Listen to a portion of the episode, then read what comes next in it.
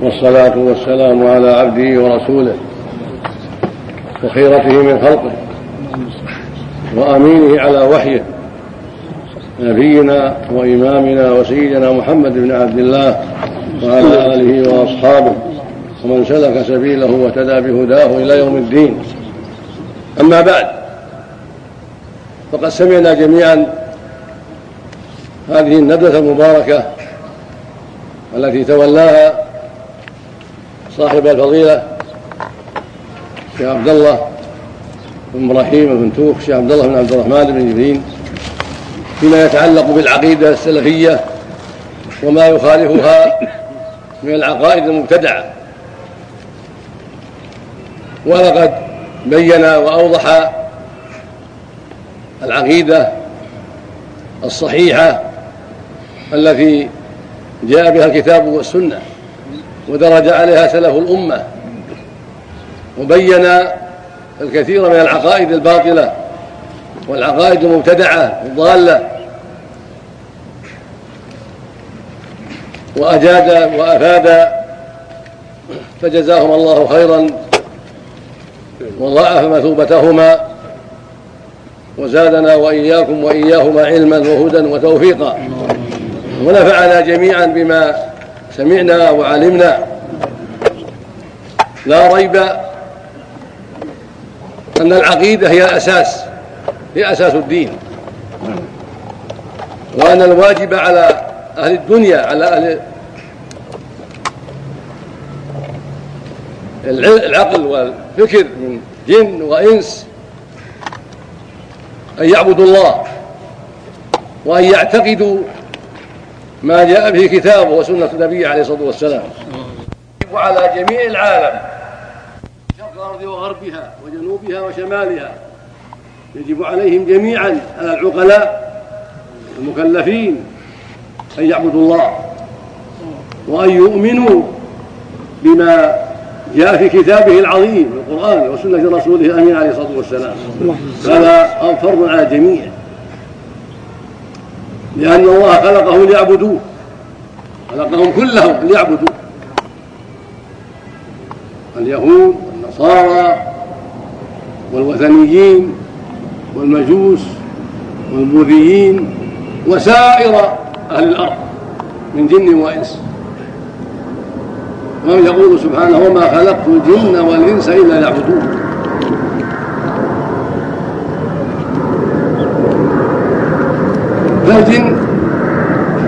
كلمة تشمل جميع أصنافهم.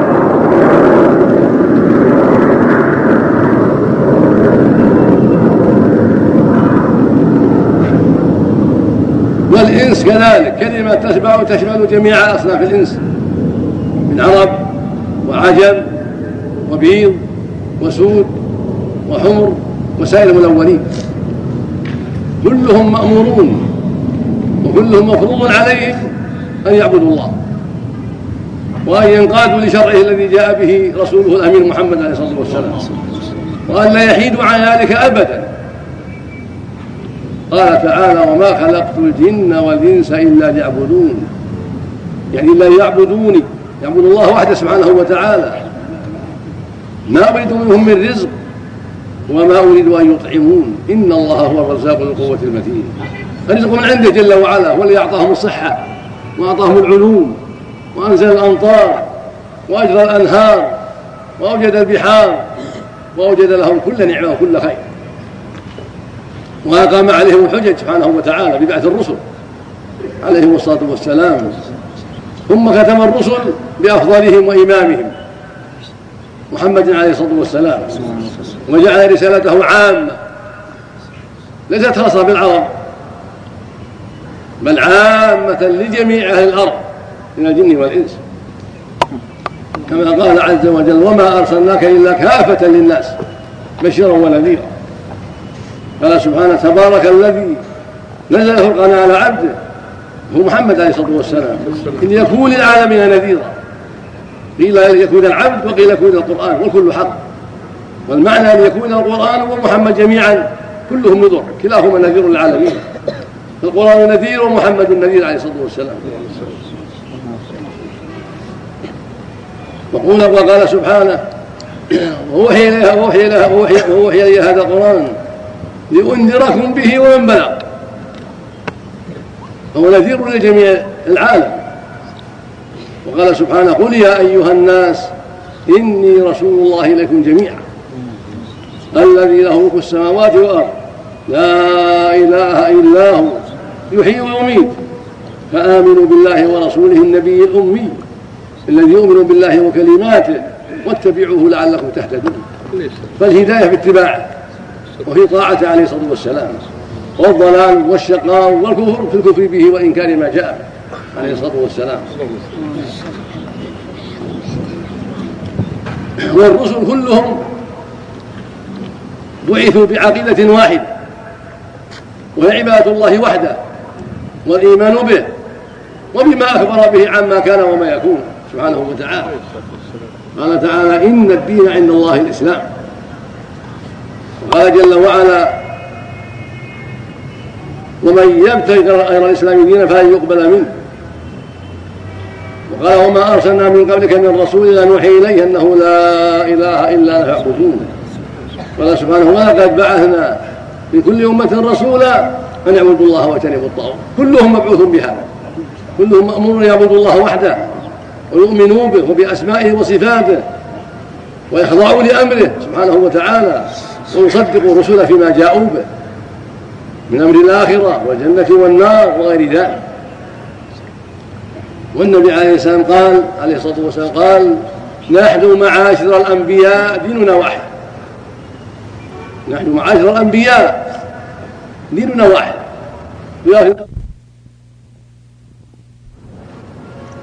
أشار بالعلات الشرائع.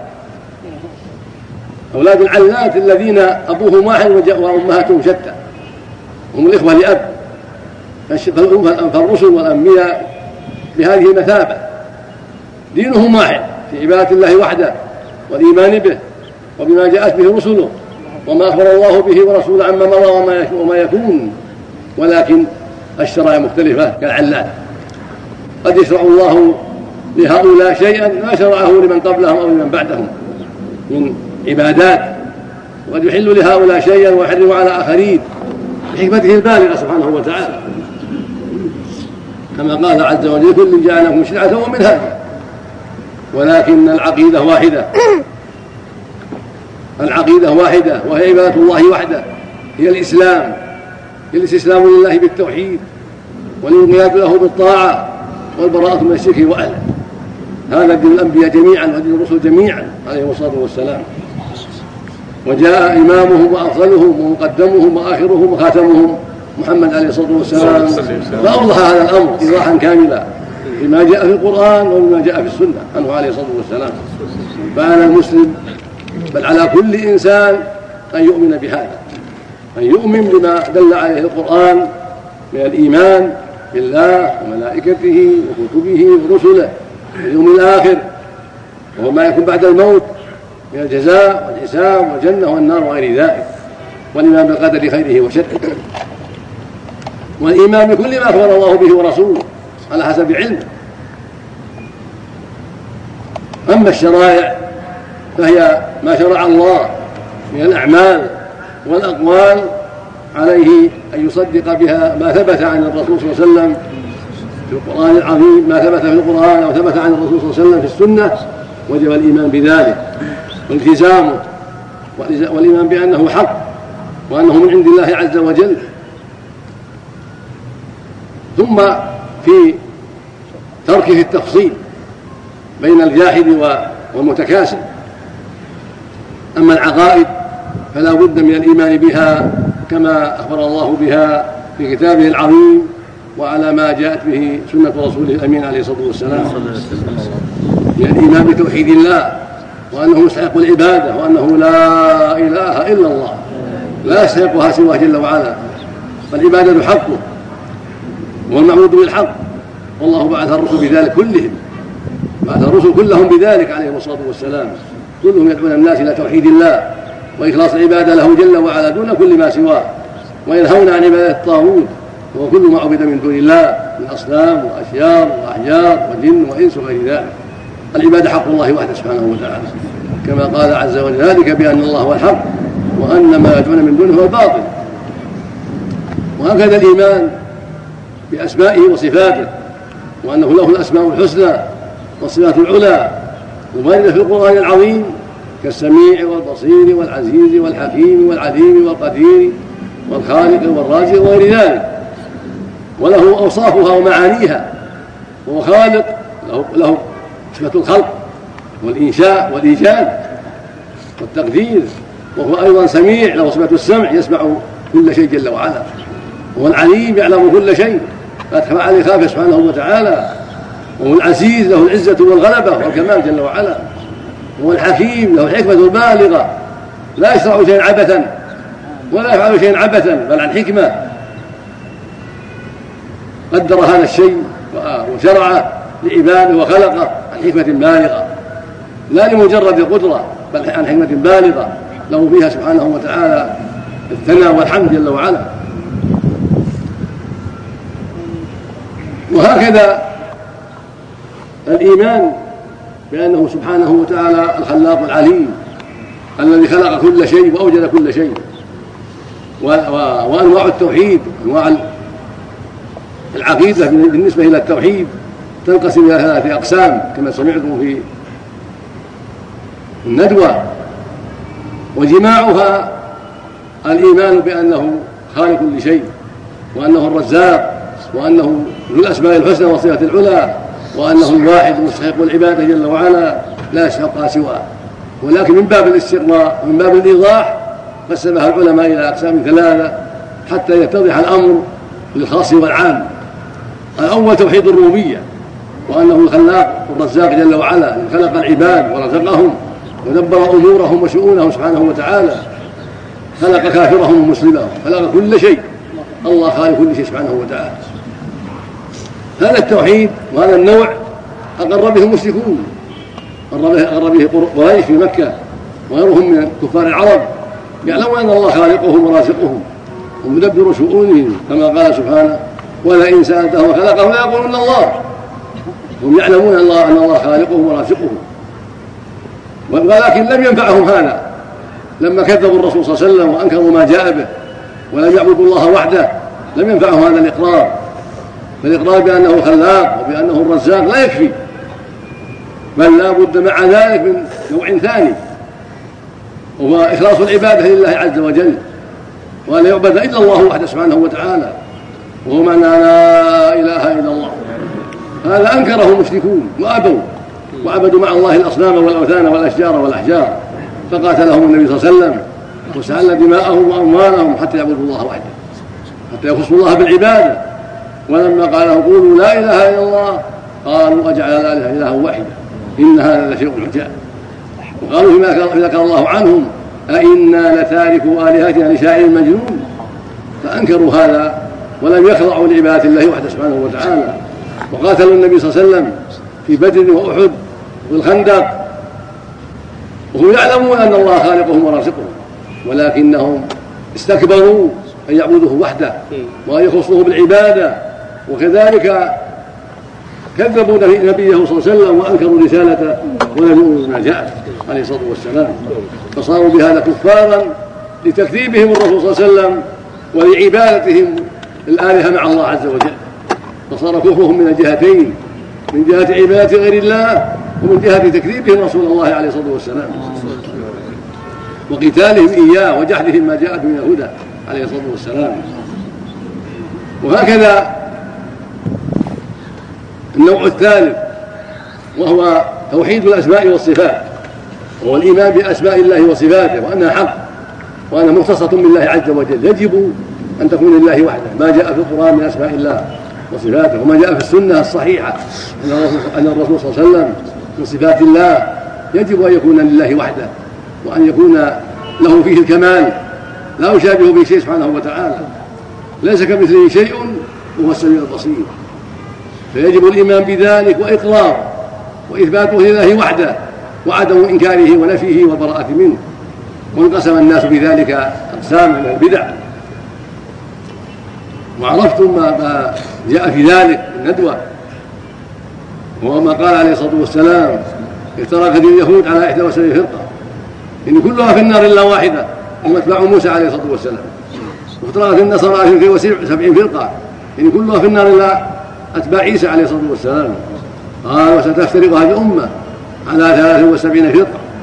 كلها في النار إلا واحد هؤلاء الذين انتسبوا إلى الرسول صلى الله عليه وسلم انتسبوا الاسلام وزعموا أنهم يؤمنون بمحمد عليه الصلاة والسلام وأنهم مسلمون. انقسموا إلى هذه الفرق إلى 73 فرقة. أما الذين ما صدقوا محمد صلى الله عليه وسلم ولا انتسبوا للاسلام هؤلاء شيء كثير. لا يحصون غير داخل في هذا التقسيم. اليهود والنصارى وغيرهم من أصناف الكفر ليسوا من هذه الفرق بل هم كفار مستقلون. كفار كفرهم ظاهر لا شبهة فيه نعوذ بالله من ذلك. لأنهم ما صدقوا الرسول صلى الله عليه وسلم ولا انقادوا لشرعه بل كفروا به وأنكروه اليهود والنصارى وغيرهم من أنواع الكفرة الذين بقوا على كفرهم ولم يسلموا. هؤلاء غير داخلين في هذا التقسيم وإنما هذا التقسيم للذين انتسبوا إلى الإسلام وادعوا أنهم مجيبون لمحمد صلى الله عليه وسلم وان يشهدوا أن محمدا رسول الله ولكنهم غيروا وبدلوا وابتدعوا في دين الله ما لم يأذن به الله فصاروا فرقا كثيرة كلها متوعدة في النار. لضلالها وبدعتها وفسقها. صارت متوعدة في النار. منهم من أخرجته بدعته إلى الكفر والضلال وصار بدعته كافرا كالجهمية عند أكثر أهل السنة. ومنهم من لم تخرجه بدعته إلى الكفر والضلال بل صار فاسقا ضالا مبتدعا مبتدعا ولكن لم تخرجه بدعته إلى الكفر والضلال كالخوارج عند جمهور أهل السنة. فالحاصل أن هؤلاء المبتدعين اصناف كثيره اصناف متعددة كما بينها النبي عليه الصلاة والسلام مختلفة في بدعتها وكبر بدعتها وضلالها. ومنهم من سمعتم في الندوة بدعة الخوارج بدعة المعتزلة بدعة القدرية بدعة الشيعة. وهم أقسام هؤلاء المبتدعة. والعصمة في ذلك هو الاستقامة على دين الله والتمسك بكتاب الله وسنة الرسول عليه الصلاة والسلام. هذه العصمة التي عليها السنة والجماعة هم أصحاب النبي صلى الله عليه وسلم وأتباعهم بإحسان. هذا هو الطريق. وما سار عليه أصحاب النبي صلى الله عليه وسلم بعده وسار عليه أتباعهم بإحسان من أئمة الهدى كالتابعين وأتباع التابعين والأئمة الأربعة وأهل أئمة الحديث كالبخاري ومسلم وأبي داود والترمذي والنسائي وابن ماجه وأئمة الإسلام قبلهم وبعدهم ومن سار على طريقهم في الإيمان بالقرآن واتباع ما في القرآن الكريم والسنة المطهرة الثابتة عن رسول الله عليه الصلاة والسلام. هذا هو سبيل الحق وسبيل الهدى وهو الذي قال الله فيه وأن هذا صراطي مستقيما فاتبعوه ولا تتبعوا السبل فتفرقوا عن سبيله. وقال فيه عز وجل اهدنا الصراط المستقيم صراط الذين أنعمت عليهم. فالصراط المستقيم هو دين الله وتوحيد الله. والإخلاص له واتباع اوامره وترك نواهي ورد في القرآن العظيم وبالسنه المطهره عن الصحابة عن النبي عليه الصلاة والسلام. هذا هو صراط الله المستقيم. وهم المنعم عليهم أنعم الله عليهم بالعلم والعمل بالعلم النافع والعمل الصالح.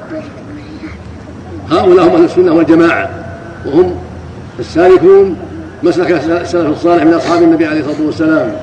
ومن سواهم ومن حاد عن طريقهم يقال له البدع ويقال له الفرق الضالة. التي سمعتم بعضها.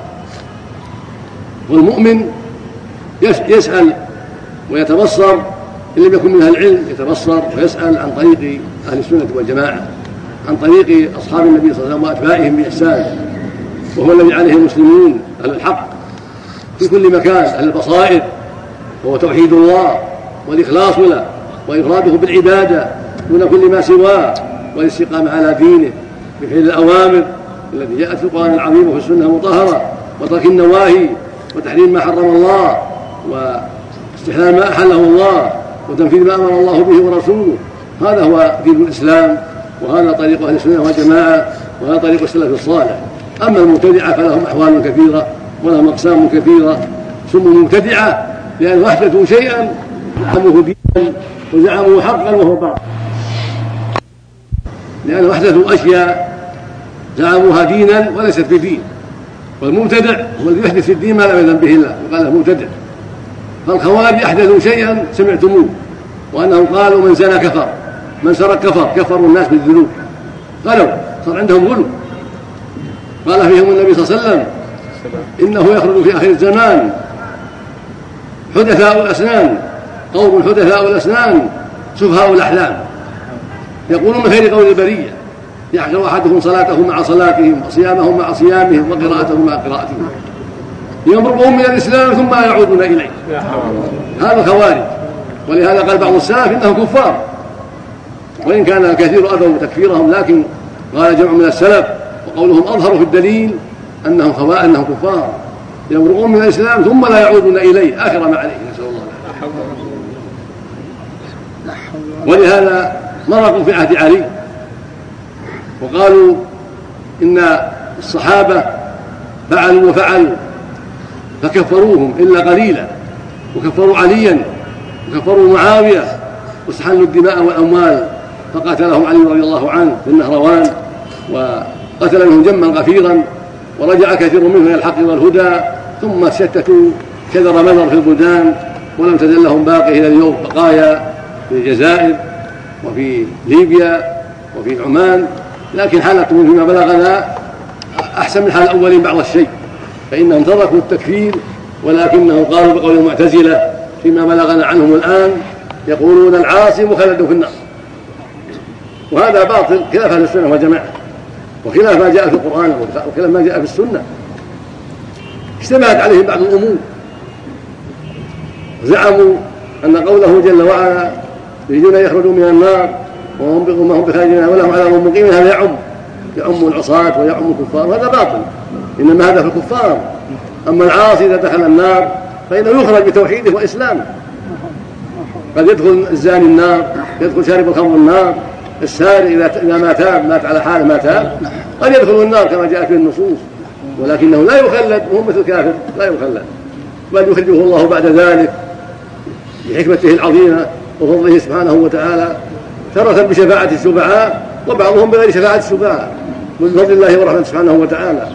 إذا طهروا من في النار ومحصوا خرجوا منها إلى الجنة بما معهم من الإسلام والإيمان. خلاف ما قال الخوارج أنه كفار وأن الزاني كافر والسارق كافر وأنه خلد في النار. هذا قول باطل. خلاف ما عليه السنة والجماعة وخلاف ما قاله الله ورسوله. لأن الرسول صلى الله عليه وسلم قال في سنة ما قال ولكن لم يكفر الزاني بل وجب أوجب, أوجب الله في الزاني جلد المئة إذا كان بكرا ورجمه إذا كان محصنا ويصلى عليه ولا يعد كافرا بل يعد عاصيا ظالما لنفسه ضعيف الإيمان. وهكذا السارق تقطع يده ولا يقتل لأنه تعدى على المسلمين فتقطع يده ولا يقتل. العاصي ولو كان كافرا قتل من بدل الدين فاقتلوه كما قال النبي عليه الصلاة والسلام. فالحاصل أن الخوارج وهكذا المعتزلة الذين قالوا مثل قول الخوارج ان من دخل النار من العصاة لا يخرج وأنهم مخلدون في النار ولكنهم توقفوا في الدنيا وقالوا لا نقول فيهم مسلمون ولا كافرون ولكن نقول في منزلة بين منزلتين. فضلوا عن السبيل هؤلاء المبتدعة من المعتزلة. وهكذا ضلوا في الصفات في نفي الصفات القدرية والمعتزلة ضلوا في نفي الصفات وضلوا في أشياء كثيرة من بدعهم المعروفة. وهكذا الشيعة أقسام كثيرة. سمعتم بعض مقالات الشيعة ليسوا على حد سواء بل أقسام. أشدهم واخبثهم الباطنية ومنهم الرافضة معروفون في إيران الآن الرافضة. ويقال لهم اثنا عشريه الذين لهم أئمة اثنا عشر أولهم علي وآخرهم صاحب السرداب هؤلاء من أضل الرافضة الشيعة. ومن اخبث الشيعة. يقولون في آلهتهم إنهم يعلمون الغيب يقولون في أئمتهم إن علي يعلم الغيب وهكذا أولاده الذين قالوا اثنا عشر وهذا من ضلالهم وكفرهم. ويعبدونهم من دون الله يعبدونهم ويستغيثون بهم وينذرون لهم ولهم فيهم اعتقادات فاسدة هم الرافضة. أما هناك أصناف كثيره من الشيعه تختلف. منهم الزيديه في اليمن حالهم غير حال الرافضة في ايران أخف وأسهل من أولئك. ولكنهم أخطأوا في تفضيل علي فضلوا علي على الصديق وعلى عمر وعلى عثمان فأخطأوا. والصواب عليه السنة والجماعة أن الأفضل الصديق ثم عمر ثم عثمان ثم علي رضي الله عنه. وهناك أقسام أخرى طائفة من الشيعة يقال لهم المخونة. وهم من أحبة الشيعة أيضا نعوذ بالله وهم كفار. قالوا إن جبرائيل خان جبرائيل خان في الرسالة خان في الأمر. بعثه الله إلى علي فجعله لمحمد وهذا من وهذا من أقبح الضلالة وكفر وضلال وهذا يقال لهم مخونة وهم من الشيعة وهم ضلال كفار نعوذ بالله من ذلك. المقصود أن الشيعة أقسام. ذكر بعض المؤرخين لهم أنه 22 صنفا. ومن ومن أخبثهم الرافضة الذين رفضوا رفضوا زيد بن علي لما طلبوا منه يتبرأ من الصديق وعمر فلم يتبرأ منه رفضوه. وسموا الرافضة. ومنهم الباطنية من النصيرية وغيرهم. وقال لهم باطنية الذين في الباطن يعبدون عليا وأهل البيت. لا يعبدون الله. ينتسب اللسان كفرا وضلالا وزورا. وهم في الباطن يعبدون أهل البيت. ومنهم السبائية. الذين قالوا لعلي أنت الله. قالوا لعلي أنت الله نعوذ بالله حرقهم علي في الأخاديد خد لهم في الأرض. حفرها حفرا ثم ألقى فيها النيران ثم ألقاهم فيها لكفرهم وضلالهم نعوذ بالله والحاصل أن هذه بدع شرها عظيم وبلاؤها كثير. ولكن المسلم يحمد الله الذي عافاه منها. يحمد ربه الذي عافاه وسلمه وجعله يعتقد عقيدة أهل السنة والجماعة عقيدة الرسول صلى الله عليه وسلم وعقيدة المؤمنين ودعوة الشيخ محمد رحمة الله يعني على هذا السبيل. الشيخ محمد بن عبد الوهاب رحمة الله عليه دعا الناس إلى هذه العقيدة إلى عقيدة السلف الصالح إلى العقيدة المحمدية التي جاء بها رسول الله عليه الصلاة والسلام ودرج عليها الصحابة رضي الله عنهم ثم أتباعهم بإحسان وقررها شيخ الإسلام ابن تيمية وابن القيم في كتبهم ودعوا إليها وبينوها للناس وردوا على أهل البدع فقام الشيخ محمد في آخر الزمان فقال الثاني عشر رحمه الله وعزل مثوبته وأنصاره وأتباعه بالحق.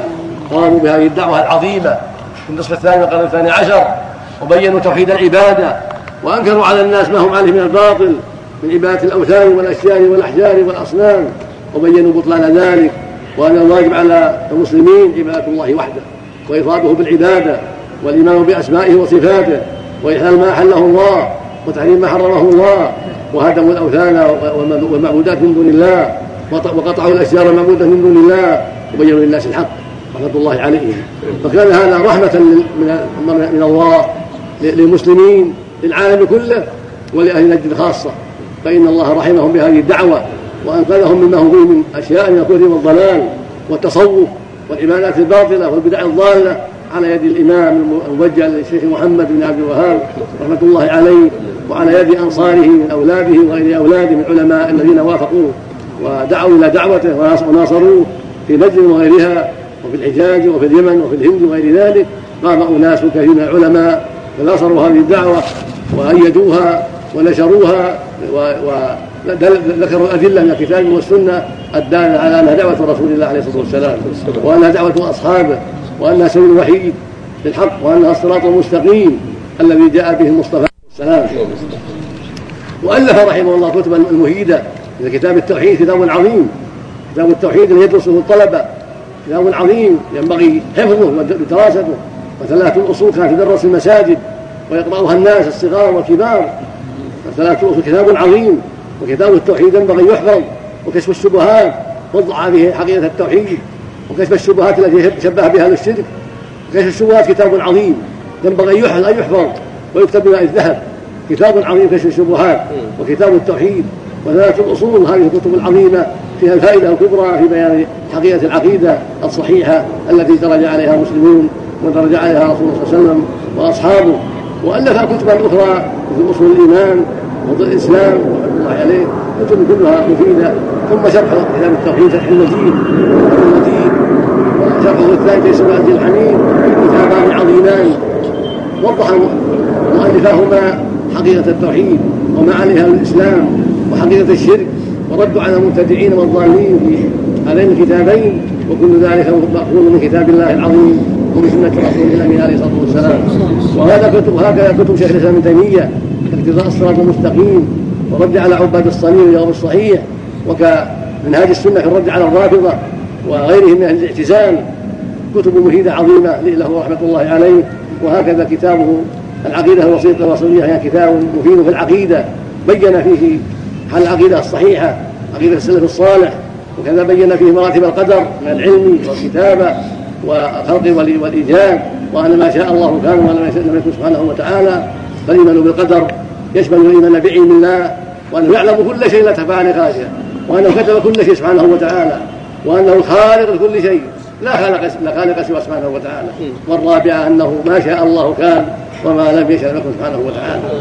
وبين أيضا في كتابه تدورية والحموية كتابين عقيدة أهل السنة والجماعة وبيان إثبات الصفات لله عز وجل والرد على المجرمين والمبتدعين. وهكذا زاد المعاد بن القيم في الهدي كتاب عظيم مفيد هذه كتب أهل السنة مع الكتب السافة الماضين صحيح البخاري وصحيح مسلم وكتاب أبي داود والترمذي والنسائي وابن ماجه ومسند أحمد وسنن الدارمي وأشباه من الكتب العظيمة كتب أهل السنة والجماعة بينوا فيها أحاديث الرسول صلى الله عليه وسلم. ونقلوها لنا واضحة بينة بأسانيدها ووضح العلم صحيحها من سقيمها من ضعيفها من مكذوبها بينوا كل شيء رحمة الله عليهم. وسار على نهجهم أهل العلم والإمام إلى يومنا هذا يوضحون للناس الحق بأدلته ويردون على المبطلين. وما ذكره في عبد الله فيما يتعلق بالتبرك. التبرك وقع فيه أغلاط كثيرة لضعفاء البصائر. البركة كلها من الله عز وجل. هو المبارك سبحانه وتعالى. وعبده المبارك. فالبركة كلها من الله. ويجعلها فيما يشاء سبحانه وتعالى. جعل بما ينزل من السماء. جعله مبارك. وانزل من السماء ماء مباركا وكذلك جعل البيت بيتا مباركا والكعبه وجعل عبده الصالح مباركا. وجعل نبيه مباركا عليه الصلاة والسلام. وهكذا جعل عباده الصالحين مباركين. ينفعون الناس. ويدعونهم إلى الحق. وينذرونهم بأس الله ونقمته. فالمبارك من جعل الله فيه البركة. والبركة من الله. ولهذا كان نبينا صلى الله عليه وسلم مبارك في أقواله وأعماله حتى في شعره وموساقه وعرقه عليه الصلاة والسلام. لما حلق يوم حجة الوداع قسم شعره بين الناس لما جعل الله في شعره من البركة. وكان عرقه مباركا وموساقه مباركا عليه الصلاة والسلام. ولكن لا يقاس عليه غيره ظن بعض الناس أنه يقاس عليه غيره وأن الإنسان يتبرك بشيخه ومن يعتقد فيه الصلاه يتبرك بثيابه هذا باطل لا أصل لذلك. بل هذا خاص بالنبي عليه الصلاة والسلام لما جعل الله فيه من البركة. ولهذا الصحابة لم يتبركوا بالصديق ولا بعمر ولا بعثمان لأنهم يعلمون أن هذا خاص بالنبي عليه الصلاة والسلام لما جعل الله فيه من البركة. والصحابة أعلم الناس بعد الأنبياء وأفضل الناس بعد الأنبياء. ولو كان التبرك بالصالحين بثيابهم أو بعرقهم أو بمصاقهم أو بشعورهم مشروعا لفعله مع الصديق الذي هو أفضل الأمة.